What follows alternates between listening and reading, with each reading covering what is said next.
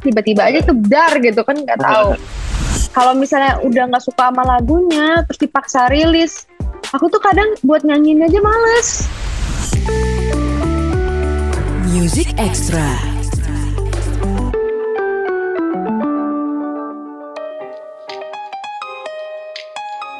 Halo good friends, Music Extra barengan gue Reno Aditya. Hari ini kita kedatangan penyanyi yang nama, nama panjangnya panjang banget. Nilut Ketut Mahalini Ayu Raharja, a.k.a. Mahalini. Ini panggilannya Lini ya? panggilannya Lini Apa kabar? baik baik banget kakak gimana kabarnya Kabar baik juga. Good friends ini adalah teman baru kita, Mahalini. Uh, dia baru aja merilis sebuah single. Enak banget. Ini spesial buat orang yang kayak kayak gimana ya? Ketika lo harus mengakhiri sebuah hubungan tapi masih ada sayang-sayangnya sih, terus masih ada kangen-kangennya sih. Ini lagu kayaknya Ya. me- me- mewakili perasaan seperti itu. Sisa rasa. bisa rasa Anyway, 2021 ini ada dua single yang udah kamu rilis ya.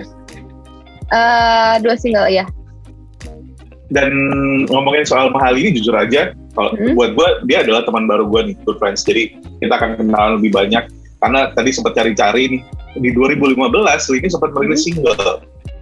Ya 6 tahun yang lalu ya ya benar Ah, 2015 Iya itu waktu masih umur 15 tahun juga sih Oke, terus kenapa harus nunggu 6 tahun dulu, eh 5 tahun dulu 2020 merilis single lagi kan?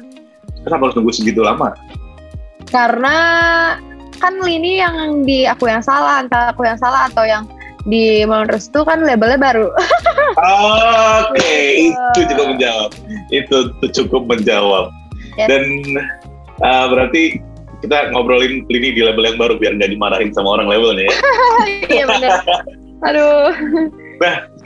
Kita ngomongin soal single yang udah dirilis 2021 nggak nggak sah rasanya kalau cuma ngomongin sisa rasa aja.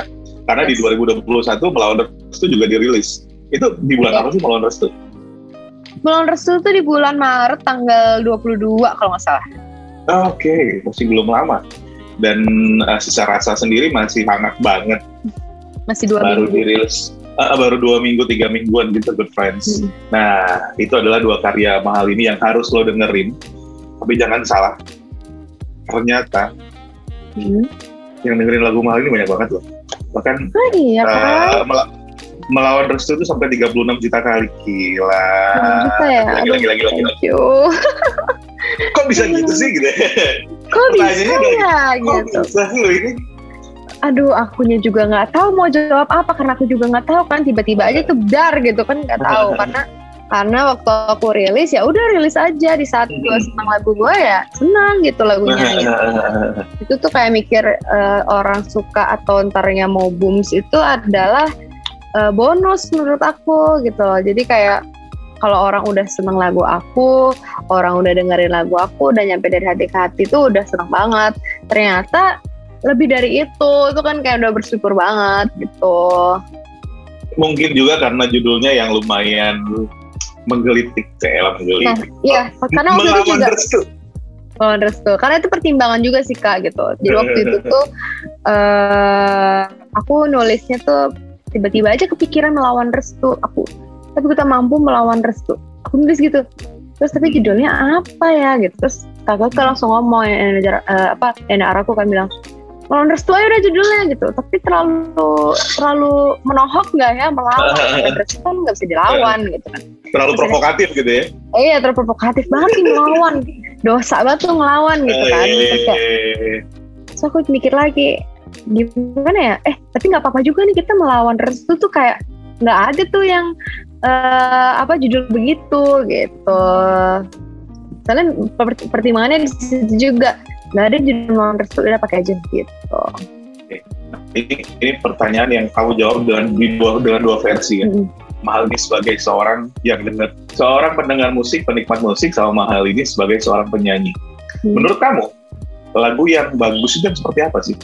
Buat seorang pendengar, buat seorang penikmat aja nih. Karena kan pasti kamu kamu banyak kamu ngefans sama seorang penyanyi, kamu suka sama lagu ABC di luar lagu kamu kan. Nah, Hmm. uh, divine-nya kayak apa yang mendeskripsikan kalau lagu itu bagus buat seorang Mahal ini? Eh, yang pertama tuh melodinya.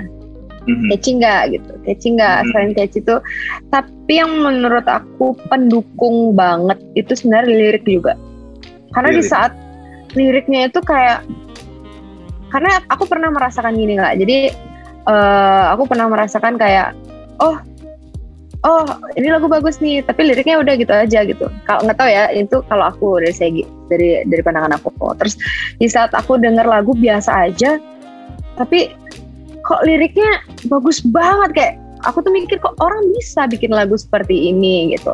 Walaupun liriknya simple tapi kayak kok bisa ya dia bikin berpikir lagu seperti ini? Jadi orang suka. Jadi kan orang kadang banyak nih orang Indonesia galau orang cewek-cewek tuh biasanya galau-galau ya nggak sih terus Hmm, kayak hmm, hmm. dengerin lagu tuh kayak kalau kalau kita lagi galau di saat kita dengerin lagu dengan kondisi galau kita segimanapun menurut aku eh, lagu itu tuh bisa masuk ke kita kita masuk masukin aja ke diri kita gitu loh ngerti sih yes iya iya iya Iya, iya, iya. Kak, kan? Jadi aku mikir ke situ. Jadi kalau udah liriknya ngena di kita, kita pasti akan terus kayak menggalau dengan lagu itu gitu. Hmm.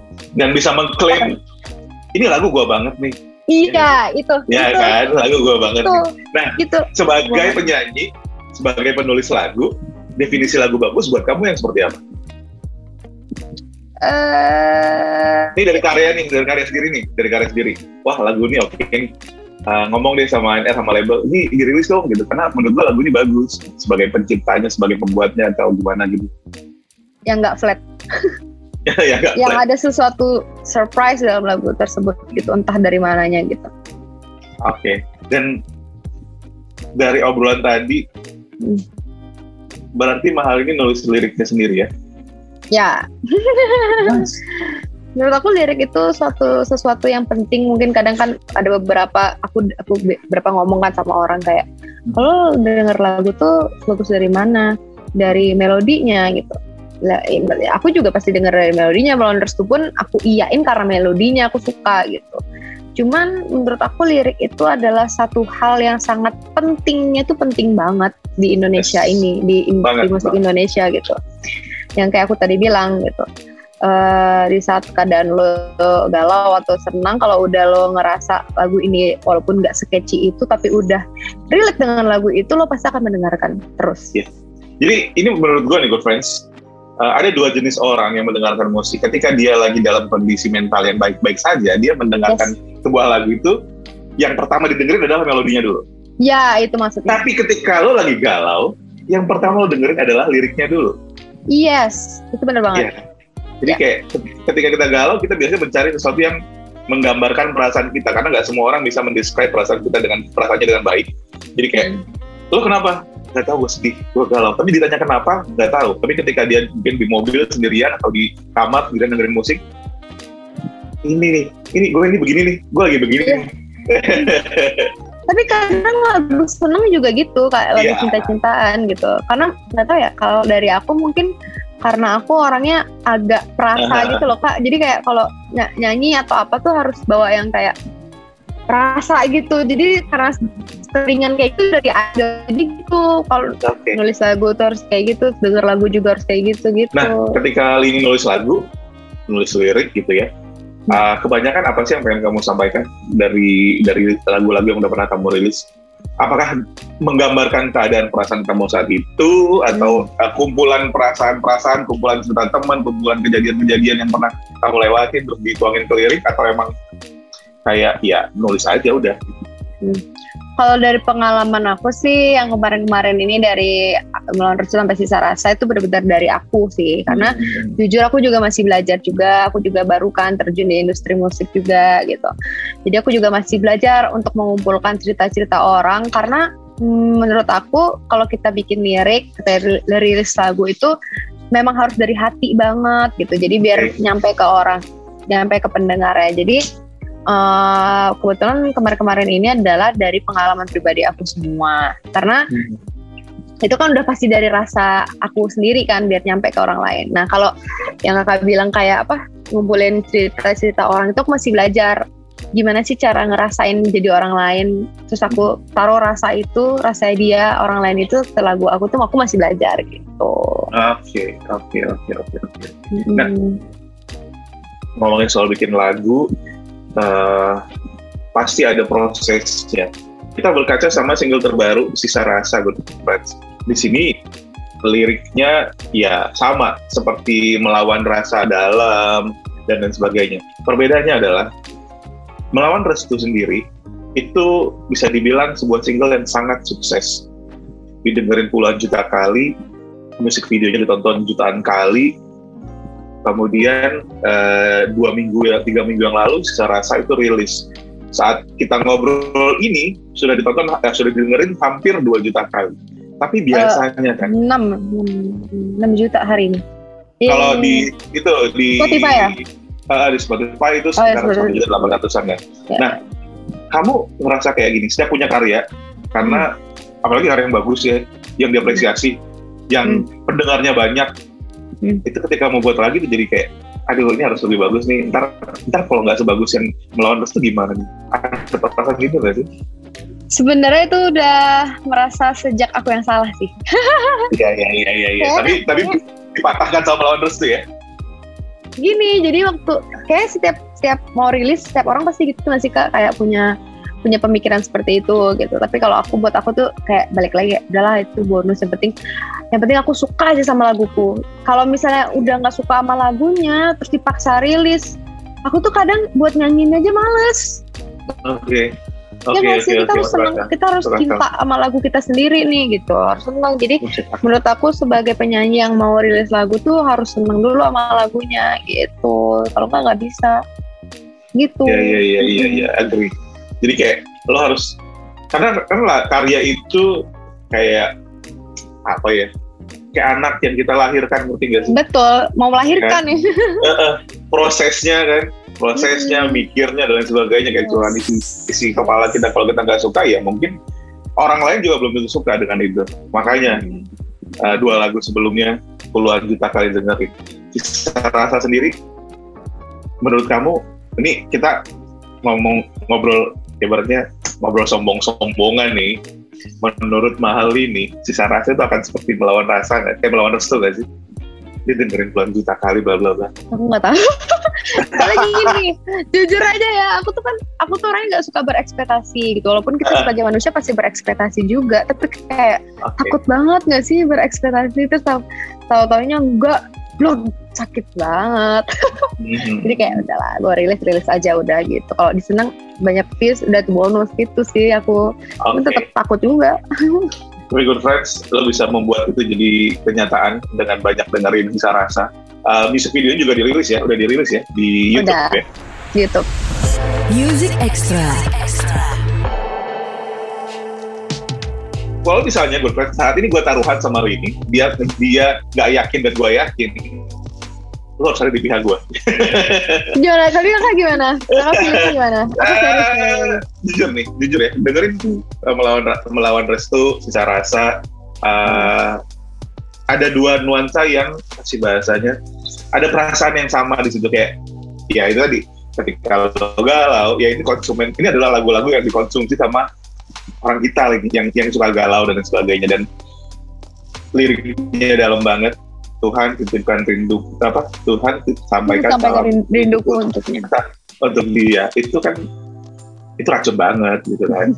Nah gue optimis sih ini akan akan nggak akan nggak kalah eh, bagaimana ya? Eh, akan sama suksesnya dengan melawan restu amin. Amin banget. Tapi- amin banget. tapi ya itu ini eh, ini adalah sesuatu yang selalu aku sampaikan ke, ke setiap orang yang punya karya. Ketika karya kita diterima orang Hmm. disukai sama orang berarti kita punya hutang sama orang tersebut Yes. untuk berkarya lebih banyak lagi. Hmm. ya kan? Nah Ya, terus ini mau ngapain lagi nih setelah sisa rasa? Dan gini lagi kak, kita tuh nggak selamanya bisa mempertahankan itu di atas gitu loh. nah bener Makanya aku nggak mau yang berharap banget. Makanya aku yang kayak udah gue suka sama lagu gue ya udah gue rilis. Kalau tentang kalian-kalian yang mendengarkan kalau kalian eh, tentang viewsnya banyak, atau itu terserah nggak apa-apa. Yang penting aku rilis dengan hatiku gitu loh. Gitu. Jadi kayak Nah, tapi kalau tentang tentang eh, apa beban gitu misalnya beban kayak Monsters tuh banyak banget nih gitu misal dari aku yang salah juga sama gitu kan. Mhm. itu tuh dari awal kak. Kayak aduh Monsters tuh bisa nggak ya? Gitu. Aduh gimana ya? Kayak gitu. Tapi walaupun nggak terlalu banyak aku kepikir ke sana juga tapi ada pikiran ke sana. Cuman kayak hmm, gimana nih? Kayak misalnya next abis sisa rasa. Kan melawan restu masih sisa rasa mirip kan? Ya. mirip tuh nuansanya mirip banget gitu. Mirip banget masih mahal ini lah gitu. Hmm, di next itu tuh gimana caranya tetap mahal ini tapi tetap beda juga gitu loh Oke. entah itu mau lagu balad aku udah bilang kayak kayaknya kalau misalnya lagu balad lagi oke fine nggak apa-apa tapi gue mau merubah nuansa entah itu musiknya karena melawan restu juga mirip musiknya sama Sarasa gitu yang bikin Mhm. juga sama Mas Kitut kan jadi kayak entah dari musiknya berbeda tapi feelnya sama itu menurut aku udah merubah mahal ini ngerti sih Oke. oke, oke. Ya, karena ya, ya, ya. orang-orang tuh terlalu mencap aku sebagai galau banget gitu Mhm. Oke, iya iya. gitu Tapi ini gue benar-benar produser gue nih good friends. Di balik uh, produktifnya mahal ini di masa pandemi ini mahal ini juga kemarin berduka karena kepergian ibu ya. Hmm. Turut berduka mahal ini bukan sesuatu yang mudah untuk dilewati pasti. Tapi uh, mungkin ada sesuatu yang bisa kamu share good friends. Gimana sih uh, seorang mahal ini melewati proses berduka? Karena kan ada tuntutan untuk terus kreatif, untuk terus berkarya, dan itu Hmm. adalah dua hal yang kadang-kadang nggak cocok kayak air sama minyak, ya nggak sih? Saat lagi sedih, saat berduka, grief, kita disuruh tetap produktif otaknya. Kadang-kadang kan itu bukan hal yang gampang. Apa yang kamu lakukan untuk Oh. untuk bisa te- seperti bisa tetap produktif, bisa di tengah perasaan berduka, sedih dan lain sebagainya? Itu susah sih. Karena aku sempet vakum dua bulan di Bali kan. Itu pun aku sebenarnya nggak siap juga ke Jakarta siap nggak siap gitu. Eh, di Bali pun aku ya namanya penggemar kadang mungkin kangen ngeliat idolanya atau gimana gitu ya kak. Di saat itu aku bener-bener yang vakumnya itu kayak eh, udah deh aku nggak main IG dulu udah deh aku nggak ngeliat eh, sosmed dulu. Bahkan aku sampai parno yang namanya entertain. Parno banget. Sama entertain tuh aku parno banget aku ngerasa. Bahkan aku melihat Jakarta ya aku parno banget gitu. Karena aku pasti ingat mama kan karena aku kan Iya, iya, iya. di tahun benar-benar sama mama doang di Jakarta gitu. Parno banget. Dan terus aku juga sempat ngerasa stres. Stres juga terus juga karena gini kalau misalnya namanya fans ya kan setiap orang juga aku nggak tahu keadaan mereka seperti apa mereka nggak tahu keadaan aku seperti apa. Aku nggak menyalahkan mereka cuman keadaan lagi seperti itu pada saat itu. Eh, kadang ada yang nanya ke papa Lini mana? Lini mana om? Bikin story dong tentang Lini gitu. Dan saat itu juga papa lagi stres banget kayak gitu lagi lagi kehilangan banget gitu. Terus aku yang papa tuh ingin aku tetap sukses juga gitu loh walaupun lagi kayak gini tapi dia tetap tetap kayak jangan ninggalin entertain kamu gitu loh. Kayak tetap tetap jalan. Mama mama tuh pasti pengen banget kamu tetap jalan gitu. Hmm. Eh, terus akhirnya ya udah aku tuh kayak eh, please eh, jangan storyin dulu deh. Aku capek banget sama ngelihat kamera handphone untuk buka IG tuh kayak gitu loh. Ngerti gak sih? No no no gitu loh. Exhausted banget rasanya ya. ah nggak banget gitu. Kayak aduh. Terus eh ter- tapi papa tuh pelan pelan ngasih tahu kayak terus terus jalan terus terus aja jalan gitu terus kayak pelan pelan gitu. Nah di situ aku baru sadar kayak iya ya ternyata mama tuh pengen aku masih lanjut ya gitu loh. Makanya sekarang aku di Jakarta. Nah waktu itu tuh sisa rasa itu sebelumnya sebenarnya bukan tentang mama tentang orang lain. Iya. aku ciptain itu tentang ya orang lain pokoknya waktu itu. Terus akhirnya sebenarnya karena sisa rasa juga aku ke Jakarta kan. Nah aku eh, ciptain itu eh, liriknya full udah tentang orang lain tapi kayak aku ngerasa kok aku nggak bisa dapetin rasa dalam lagu ini kayak aku nyanyi melawan restu gitu loh. Rasanya tuh nggak ada gitu. Jadi kalau kita nggak berasa nyanyi lagu itu kan orang lain pun dengernya nggak akan ada rasanya gitu kan. Benar. iya terus aku bilang ke arranger aku Mas Getka aku bilang full ya aku ganti liriknya gitu. Eh, aku ganti liriknya aku kita ganti tema semuanya gitu. Akhirnya aku ganti eh, sisa rasa itu tentang mamaku gitu. Walaupun aku nggak mungkin dong sisa rasa Iya. eh, buat orang tua tuh nggak mungkin gitu. Cuman kan aku tuangkan itu dalam video klipnya. MV-nya aku tuangkan. Kenapa aku tuangkan itu biar tetap ngasih tau orang-orang ini loh cerita gue sebenarnya. Ini loh sebenarnya ini buat siapa tuh gini loh. Gitu. tapi depannya aku nggak ada nunjukin tentang mamaku sama sekali gitu. Tujuannya itu. Terus akhirnya ya udah aku ke Jakarta itu karena uh, mau rilis. Dan aku ingat kalau mama tuh pengen aku seperti itu gitu. Jadi aku paksakan diri ke Jakarta gitu. Okay. susah banget. Jadi secara personal yang pengen uh, Lini sampaikan secara rasa itu adalah itu uh, good friends. Gimana dia kayak kangen sama mama dan lain sebagainya. Tapi terserah good friends meng, apa, uh, menginterpretasi lagu itu seperti apa. Mau ditangkap seperti apa itu hak semua orang gitu kan. Tapi ya, secara betul. personal uh, setiap lagu itu pasti punya cerita personal buat buat penciptanya buat ya. penyanyinya. Dan kita nggak harus sama seperti itu. Kita nggak harus sama seperti dia karena kita ketika kita menikmati kita bebas menginterpretasikannya oh ini lagu tentang tentang gua yang seperti ini ke siapa gitu kan. Dan pada akhirnya kan kita yang masih selama kita masih ada di dunia berarti kita masih punya tugas. Kita masih punya sesuatu yang harus kita selesaikan dan ya tadi kalau kamu masih ada sekarang berarti memang harus terus berkarya sih. Ya sih dan dan uh, legacy pasti pasti legacy mau pasti juga pengen kamu sukses kayak ya udah udah dimulai sesuatu satu hal yang tidak menyenangkan terjadi bukan berarti itu harus berhenti. Dan ya. mudah-mudahan itu jadi kayak motivasinya Lini uh, ini harus jadi lebih besar nanti harus jadi lebih besar daripada saat ini. Amin. Itu makanya utangnya Lini tuh banyak sama Good Friends. Bikin karya-karya lain yang yang kita bisa nikmatin terus ya. Nextnya gimana nih?